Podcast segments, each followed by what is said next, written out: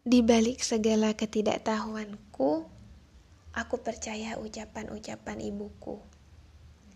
Ia selalu bilang begini, "Putriku, Tuhan selalu merencanakan kejutan-kejutan indah untuk hambanya.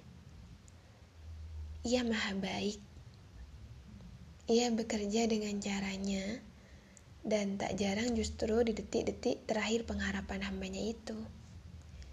Ia memberikan apa yang kita butuhkan, bukan yang kita inginkan.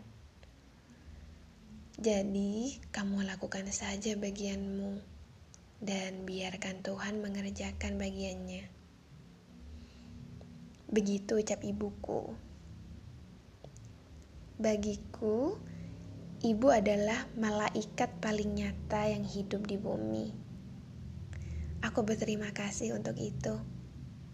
Dan untuk ibu, aku ingin bilang, selamat hari ibu.